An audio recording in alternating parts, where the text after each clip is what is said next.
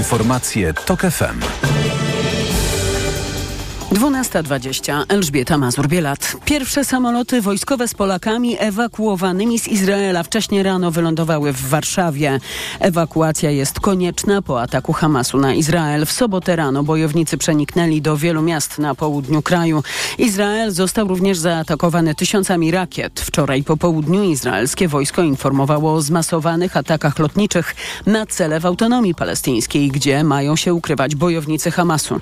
Z tymi, którym udało się opuścić już Izrael. Na lotnisku w Warszawie rozmawiał reporter TOK FM Tomasz Fęska. Obudziło nas sobotę rano, dosyć blisko chyba był jakiś, jakieś uderzenie, bo zatrząsł się budynek, w którym spaliśmy. Były alarmy, chowaliśmy się, także nie była to sytuacja przyjemna. A pierwszy raz pani doświadczyła tego, że był alarm? Pierwszy raz. I jakie to uczucie? Straszne. Powiem szczerze, że straszne. Pan co, jak lecą nad głową mi leciały rakiety i na czworaka uciekałem do schronu. Żona na czworaka biegła i płakała. chwilę grozy czułam się jak na Ukrainie, niemalże. Tego się nie da opisać po prostu, jak jest alarm, jak musisz uciekać z 13 piętra, gdzie widzisz matki z dziećmi na rękach, biegnące boso, gubiące koce dla tych dzieci, dzieci płaczące. Więcej o sytuacji w Izraelu za chwilę w kolejnej części programu Mikołaja Lizuta. Jego gościem będzie profesor Paweł Kowal, poseł Koalicji Obywatelskiej z Instytutu Studiów Politycznych Polskiej Akademii Nauk. Będzie również o informacjach przekazywanych przez Platformę Obywatelską o tym, że PiS chce w ostatniej chwili zmienić miejsce i zasady wieczornej debaty wyborczej w telewizji polskiej. A debata ma się rozpocząć o 18.30. Posłuchaj, aby wybrać. Naukowcy z najlepszych ośrodków akademickich w Polsce stworzyli nawigator wyborczy. Ma nam pokazać, do którego komitetu wyborczego najbardziej zbliżone mamy poglądy do korzystania z barometru wyborczego info. Zachęca profesor Dominika Kasprowicz z Uniwersytetu Jagiellońskiego. Nasi eksperci bazowali na oficjalnych materiałach komitetów, wypowiedziach liderów, ale też sięgali głębiej, na przykład do głosowań sejmowych, do wystąpień w Parlamencie Europejskim. Nad barometrem pracowało w sumie 17 naukowców z sześciu różnych uczelni w kraju. Trzecia kobieta w historii została wyróżniona ekonomicznym Noblem. Jak już mówiliśmy w TOK FM, szwedzka Królewska Akademia Nauk ogłosiła, że tę prestiżową nagrodę dostała w tym roku Amerykanka profesor Claudia Goldin z Uniwersytetu Harvarda.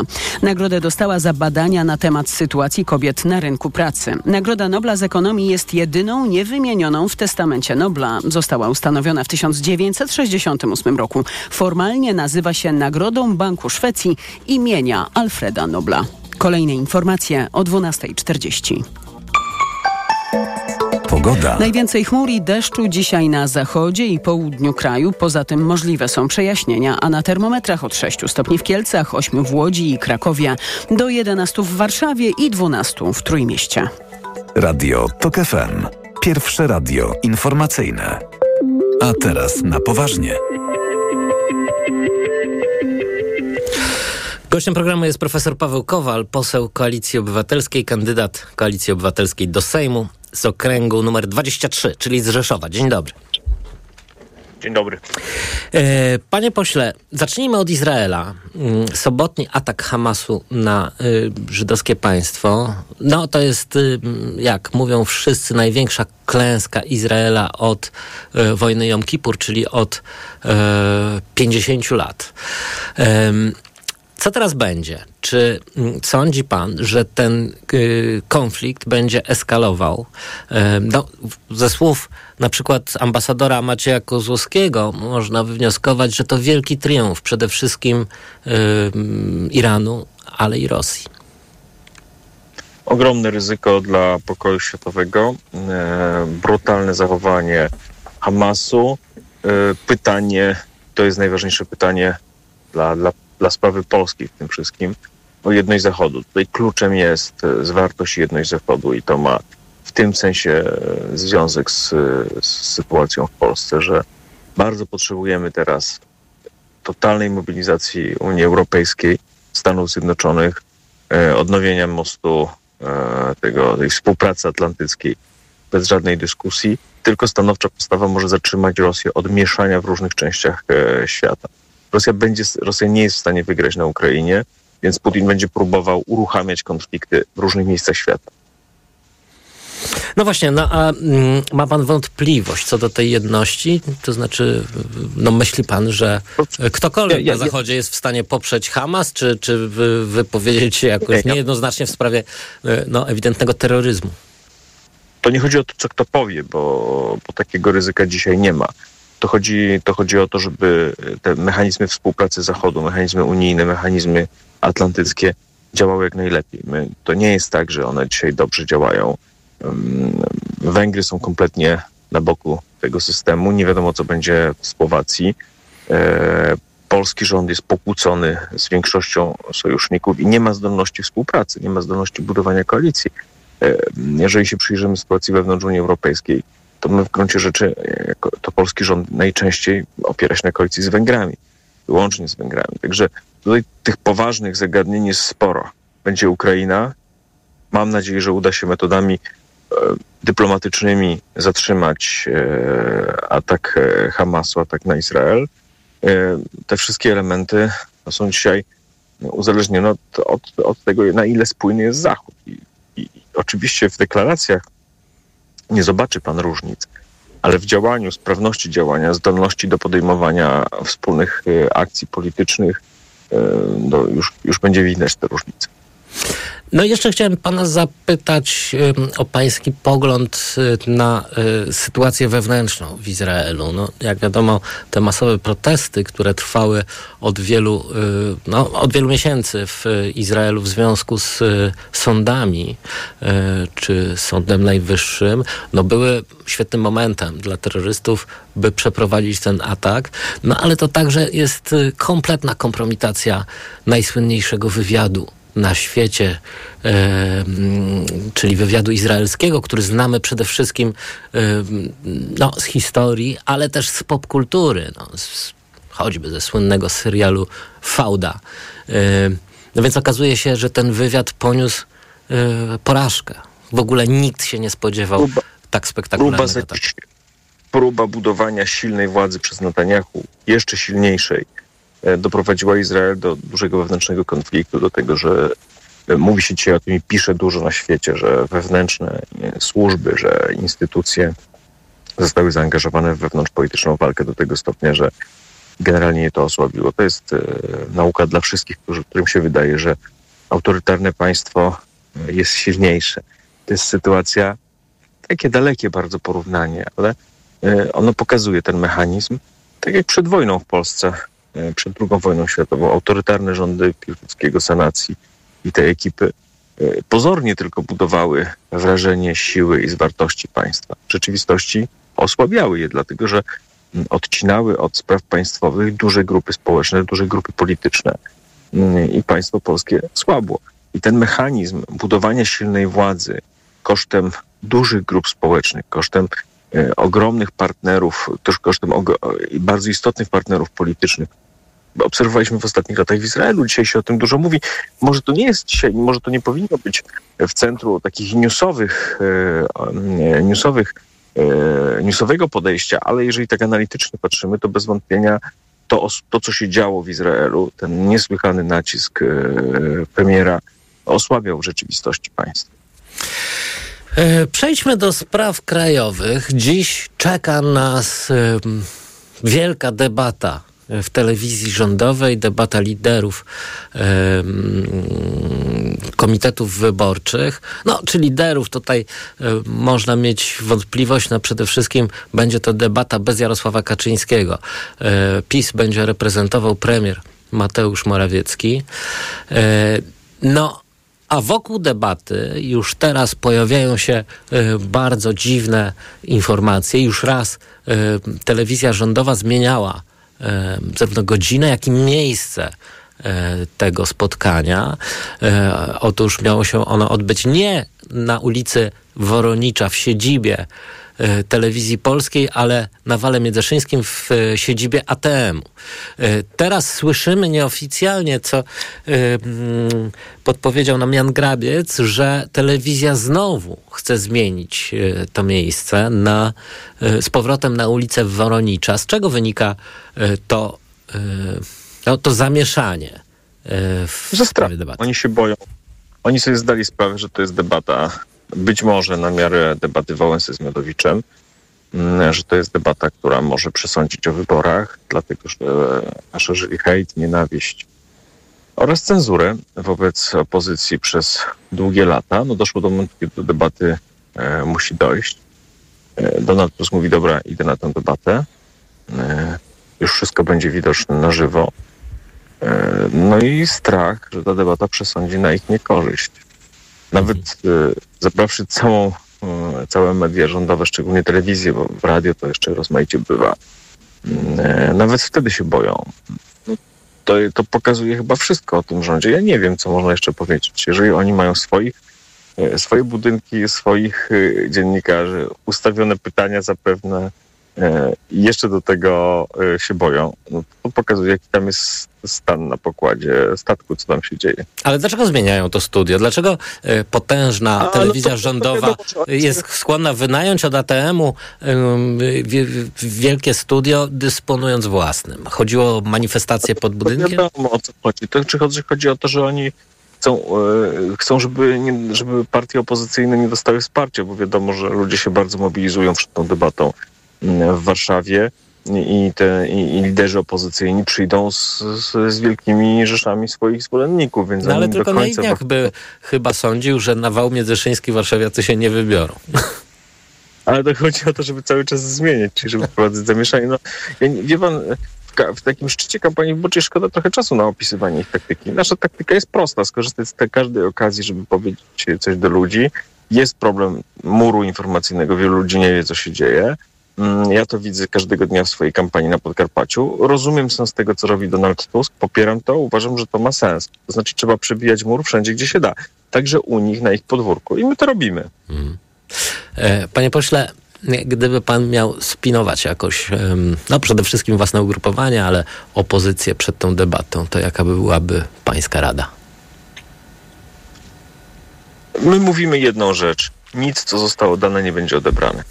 Wszystko zostanie zachowane. No ale A to już słyszeliśmy w poprzedniej kampanii. To y, y, tutaj nowości nie. No, wie pan, to, to jest, ale to jest istotne. To, to jest istotne, ja to mówię tak z, z pola walki wyborczej. Wiem, jak to jest dzisiaj istotne. Drugi punkt jest istotny, żeby ludzie wiedzieli, że formalności dzisiaj pozwalają wyjść z Unii Europejskiej niemalże jednym głosowaniem w Sejmie i że to zaczyna być groźne, co wyprawia mm, rząd. A p- poza tym po prostu mówić o aferach, o aferze wizowej, o, o tym, że mamy najbogatszego, nie wiadomo skąd to się wzięło, premiera w Europie. To są, to są realne fakty, które trzeba podawać opinii publicznej. I, mm, I to, że my występujemy w mediach rządowych tam, gdzie się da jeszcze, tylko po to, żeby przemijać, przebijać ten mur kłamstwa. Chociaż wie pan, są tacy, którzy wcale nie występują. Ja przykładowo, oni się bardzo boją szczególnie bardziej umiarkowanych polityków. Nie byłem w mediach, w telewizji rządowej w żadnym programie politycznym 8 lat. Ale przez to, że pana nie zapraszali, czy po prostu pan nie chodził? No, nie tylko, że mnie nie zapraszali, ale nawet jak e, klub parlamentarny zgłaszał mnie, to wtedy oni odmawiali.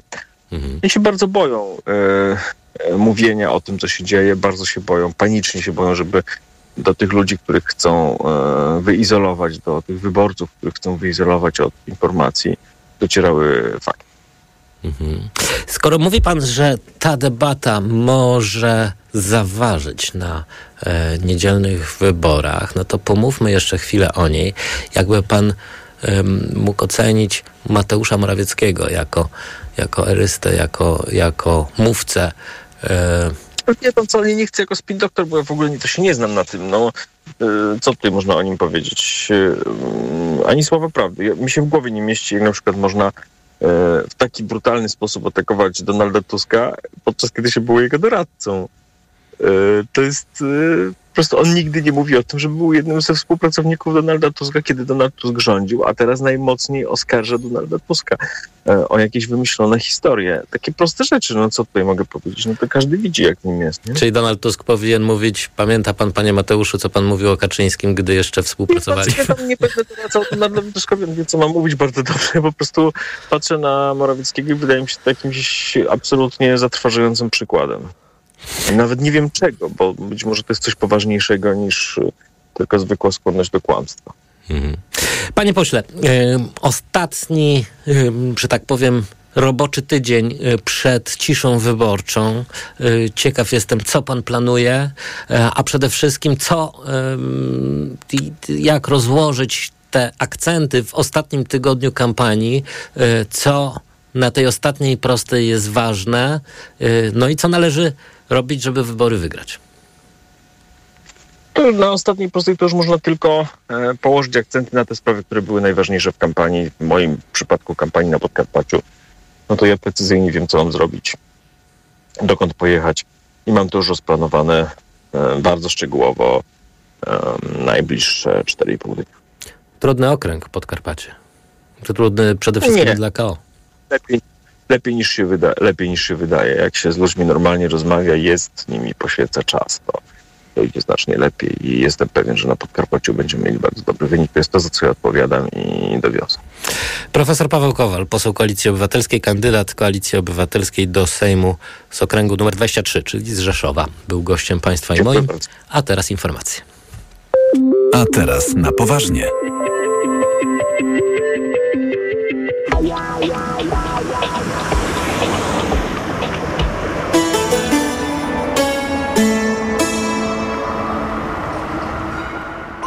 Autopromocja. Tok FM i Polityka Insight przedstawiają podcast Dzień po wyborach. Co może się wydarzyć 16 października?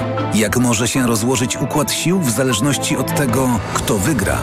Jakie scenariusze są możliwe? Dzień po wyborach. Zapraszają Maciej Głogowski oraz analitycy Polityki Insight.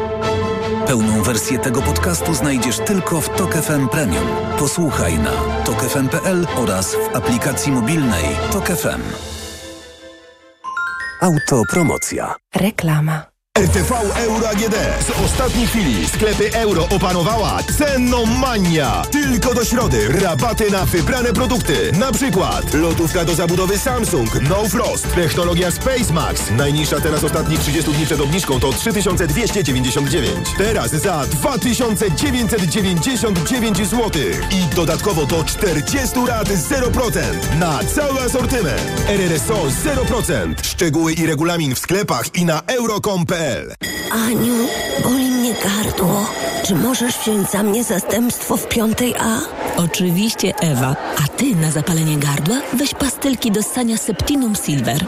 Wyrób medyczny Septinum Silver dzięki zawartości nanosrebra wspomaga leczenie infekcji bakteryjnych i wirusowych gardła. Łagodzi ból, chroni i nawilża gardło. Septinum Silver. Pierwsza pomoc przy bólu gardła. Dostępny także w sprayu. Producent oraz podmiot prowadzący reklamę. Zdrowit. To jest wyrób medyczny. Używaj go zgodnie z instrukcją używania lub etykietą.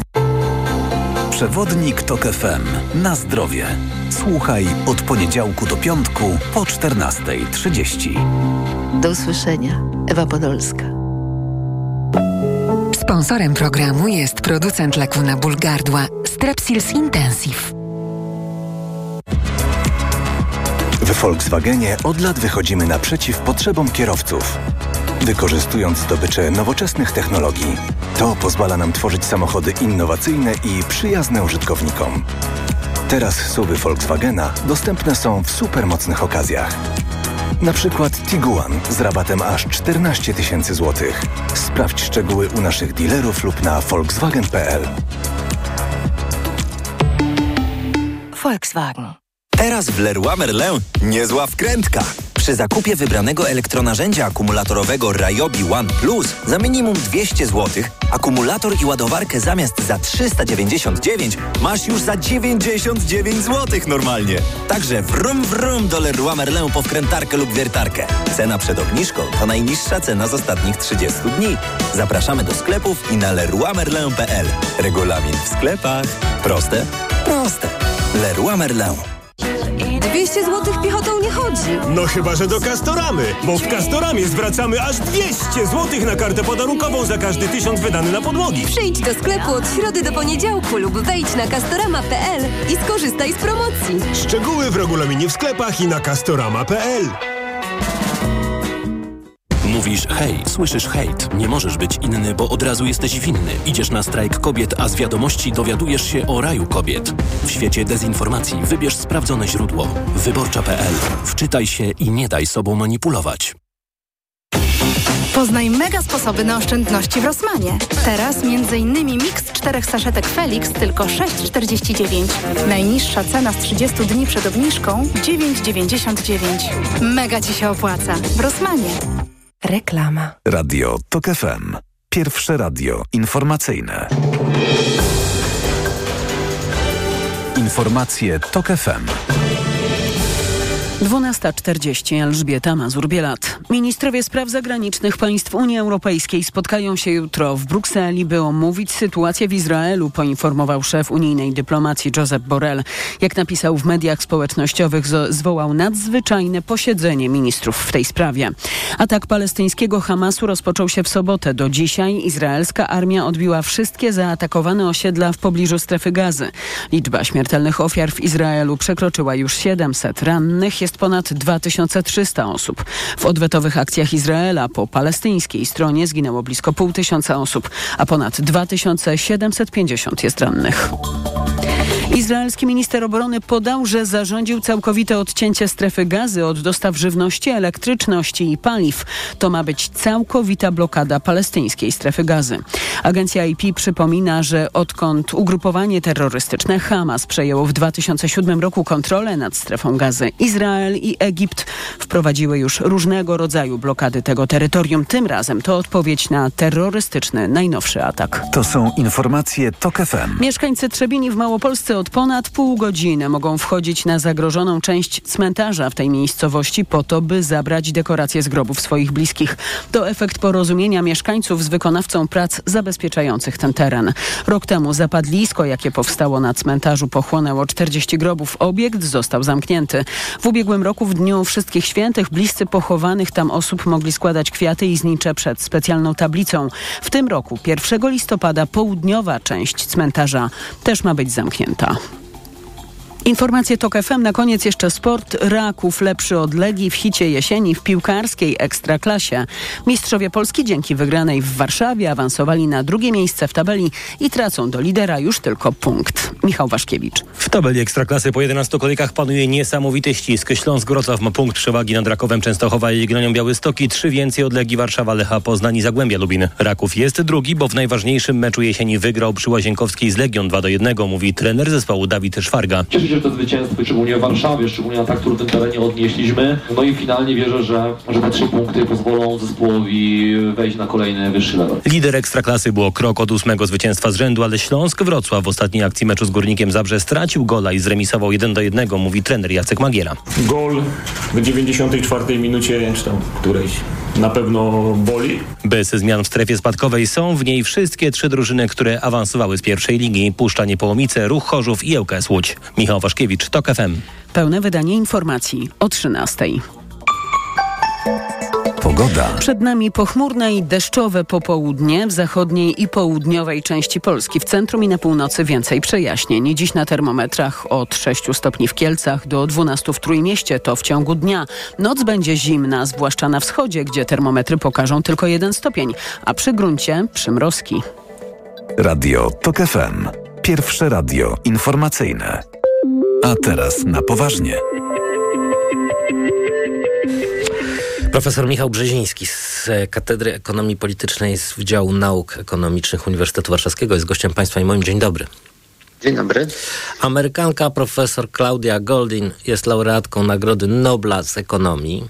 Tegoroczny mm, ekonomiczny Nobel e, pani profesor otrzymała e, między innymi za wkład w badania na temat kobiet na rynku pracy. Profesor Goldin e, jako pierwsza mm, pracowała nad kwestią zarobków i wyników kobiet na rynku pracy w kontekście historycznym.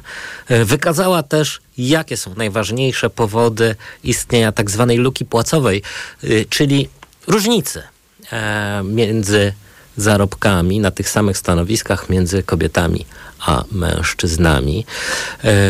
Chciałem prosić pana profesora przede wszystkim o komentarz do tego Nobla. To jest Nobel, który od dawna był oczekiwany i nie jest niespodzianką.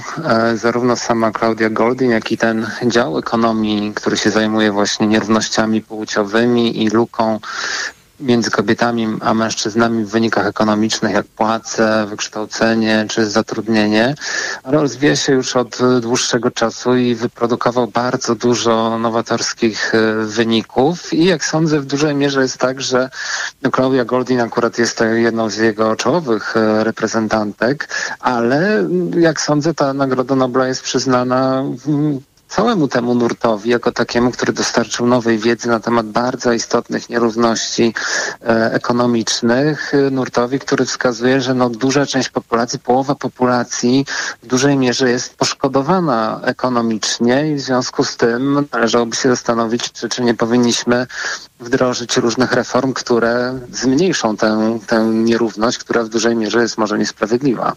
No właśnie, o tej luce płacowej y, wiemy przecież od wielu, wielu lat. Y, I wydawałoby się, że skoro jest diagnoza, no to bardzo łatwe jest remedium. Po prostu wystarczy ją zlikwidować. Dlaczego ta luka płacowa między kobietami a mężczyznami trwa nadal. E, powiedział pan, że to jest nie tylko luka płacowa, ale także pod względem wykształcenia, pod względem e, no, wielu, że tak powiem, aspektów społecznych. Kobiety są e, dyskryminowane. Ale no, wydawałoby się, że, że sama diagnoza powinna być sposobem na wyleczenie systemu z tej luki. Dlaczego tak się nie stało? Między innymi dlatego, że no nie jest łatwo jednoznacznie ustalić, jakie są e, powody istnienia tej e, luki, po pierwsze.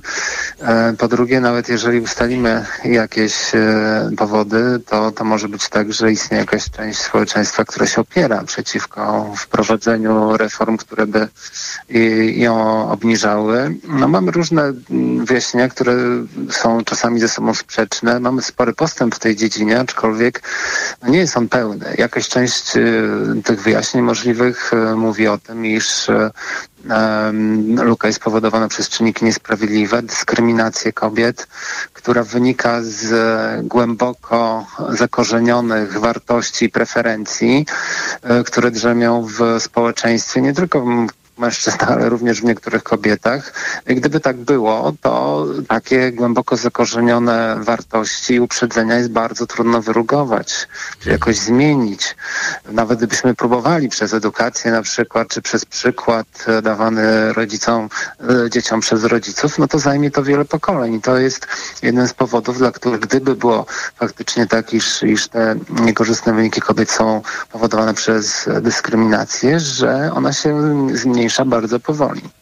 No właśnie, e, no jak pokazuje y, y, historia polityczna, na przykład takie zjawiska straszne jak niewolnictwo, y, to właściwie przyczyna nie jakiegoś rasistowskiego poglądu na te sprawy, ale po prostu ekonomii. To znaczy pojawił się taki uzus i on trwał, ponieważ się opłacał.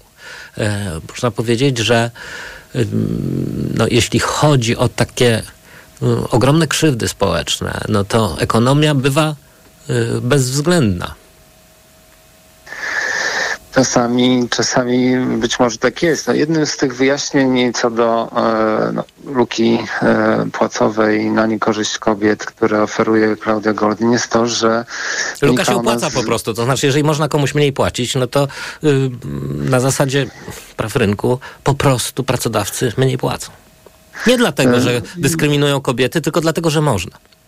Mm, to prawda, ale to są zyski być może w krótkim okresie. W dłuższym okresie mm, kobiety na tym tracą, tracą na tym e, finansowo, ale tracą również e, w kontekście swojego szerszego dobrobytu, są zniechęcane do rynku pracy i w dłuższym okresie być może wszyscy na tym tracimy. Taka krótkookresowa maksymalizacja zysku przez poszczególnych e, producentów nie zawsze jest zgodna z długookresowym interesem społeczeństwa, więc tutaj musimy mieć wzgląd również na to. Jednym z wyjaśnień, które Claudia Goldin oferuje dla istnienia e, luki płacowej między kobietami i mężczyznami jest to, że e, kobiety ze względu na istniejące normy społeczne są często mniej dyspozycyjne. Niż e, mężczyźni, którzy nie muszą się zajmować e, domem, czy dziećmi, czy osobami niepełnosprawnymi, które są e, w tym domu. No i to byłoby takie, powiedzmy, stricte ekonomiczne wyjaśnienie, jedno z możliwych wyjaśnień tej żyłki No, to, są oczywiście, to są oczywiście takie pytania na temat em, konstrukcji społecznej. Wcale przecież nie musi być oczywiste, że to kobieta zajmuje się domem, Właśnie. dziećmi czy osobami niepełnosprawnymi. Równie dobrze mogą to robić mężczyźni, a nawet powinni na zasadzie e, właśnie równych praw. To prawda, ale to wymaga no właśnie jakiejś aktywnej roli, e, czy to rządu, czy to społeczeństwa obywatelskiego, które by e, prowadziło w stronę zmiany tego typu poglądów, jak również być może reform czy regulacji, które by skłaniały e, pracodawców do tego, aby nie dawali takiej premii za, za większą dyspozycyjność dla pracowników. Mhm. E, Panie profesorze, a wracając jeszcze do luki pła- płacowej. y, Pojawił się taki e, pogląd, nie wiem czy e, mm, i jak pani profesor Goldin e, do niego się odnosi.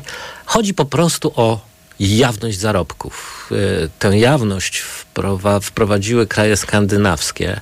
Tam po prostu, no różnie to jest rozwiązywane, no ale em, są kraje, w których po prostu można, można zajrzeć do PIT-u, do dowolnego e, pracownika. E, one są po prostu jawne. No a jawność za, zarobków e, no, powoduje, że trudniej jest pracodawcom płacić mniej ze względu na płeć, rasę e, czy jakiekolwiek inne uprzedzenia. Tak jest, no więc niewątpliwie są korzyści z tego typu rozwiązania, o których pan redaktor powiedział, to, że trudniej o dyskryminację. Niewątpliwie są koszty takie, które wynikają z tego na przykład, iż y, może być trudniej negocjować pracodawcom z pracownikami, może to wywołać też zazdrość czy jakieś konflikty społeczne, więc koszty tutaj też występują, ale powiedzmy sobie szczerze, że to nie jest rozwiązanie, które dramatycznie jakoś zmieni sytuację na, na rynku pracy w jakimkolwiek e, aspekcie. Może będzie lekko dodatnie, może będzie miało lekko negatywne skutki, ale na pewno to nie jest jakaś jedna z głównych reform, które chcielibyśmy wprowadzić, żeby zmniejszyć na przykład nierówności płciowe. No tak, no ale z drugiej strony mm, często zastanawiam się nad tym, dlaczego wysokość zarobków jest takim silnym tabu. E, No przede wszystkim w naszym społeczeństwie, bo em, gdy przyglądam się y, innym krajom, także w Europie, y, to to tabu nie jest takie silne.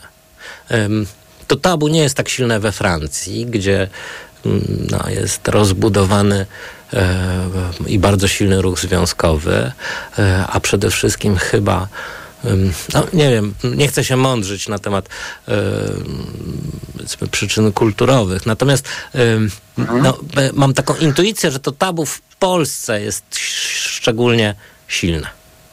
Jak najbardziej i to jest związane na pewno z e, ogólnym brakiem zaufania, jakie w Polsce mamy do innych ludzi, do rządu, do, do państwa. To ma długie korzenie bardzo, wywodzi się, prawda, jeszcze z powie- powie- zapewne pierwszej Rzeczpospolitej, kiedy mieliśmy silne podziały społeczne i państwo też no, nie wzbudzało zaufania obywateli. No i w związku z tym trudno sobie wyobrazić, żeby tego typu reformy moglibyśmy w Polsce wprowadzić. Wydaje się to mało prawdopodobne. Mhm. E, No a jeśli chodzi o właśnie mm, to tabu związane e, z płacami. Niedawno zresztą na tej antenie omawialiśmy raport, że właściwie my wszyscy Polacy nie potrafimy e, o swoich zarobkach rozmawiać, a co za tym idzie, no za każdym razem negocjacje związane z wysokością zarobków, e, z podwyżkami e, są dla nas wysoce kłopotliwe. To jest taki kłopot jak niemal jak w rozmowie o seksie. No na pewno tak jest. Jest to, jest to tabu. Mogę tutaj jeszcze dodać, że mm, badania empiryczne, które już y, nie przeprowadziła sama noblistka, ale inne osoby zajmujące się tą dziedziną ekonomii, pokazują, że przeciętnie kobietom, kobietom jest y, nieco trudniej rozmawiać o, mm, o zarobkach, negocjować zarobki, walczyć o awans Pewnie również z powodów kulturowych jest tak, iż w takim społeczeństwie jak im bardziej tradycyjne społeczeństwo, im bardziej te normy dotyczące zachowań, które są oczekiwane wobec konkretnych płci są tradycyjne, tym mniej społeczeństwo i otoczenie daje odwagi kobietom to do tego, żeby śmiało stawać, proponować um, pracodawcy wyższe zarobki, czy domagać się awansu i to też jest jednym z czynników, jak wskazuje literatura empiryczna, które przyczyniają się do tego, że luka płacowa jest no, większa niż mogłaby być. No właśnie, a jeszcze na koniec chciałem zapytać pana o świadomość tej luki, tego gapu, bo wydaje się, że chyba im bardziej społeczeństwo jest świadome, że, y, że istnieją te, te, te rozwarte nożyce, no to ta świadomość powinna pomagać w, w likwidacji e, tej luki. No po prostu mm, chciałem zapytać, czy w Polsce już kobiety, negocjując swoje zarobki, mówią, chcę zarabiać tyle, ile e, mężczyzna na tym samym stanowisku. Wydaje się, że, że jest to coraz częstsze i że jest takie oczekiwanie, ale zapewne głównie w dużych miastach, w dużych firmach, w międzynarodowych korporacjach na pewno jest ta świadomość dużo większa i pracodawcy też zupełnie inaczej podchodzą do tego zagadnienia. Natomiast wciąż w polskim społeczeństwie duża część gospodarki to są średnie albo małe, rodzinne firmy czasami i, i w nich tego typu świadomość jest dużo mniejsza. Nie panują normy, które by domagały się równości płci, więc póki no, struktura naszej gospodarki nie przesunie się w stronę jeszcze większych e, firm, gdzie panują inne standardy, no to ta nierówność będzie większa niż e, w krajach, które są powiedzmy bardziej nowoczesne pod względem struktury gospodarki.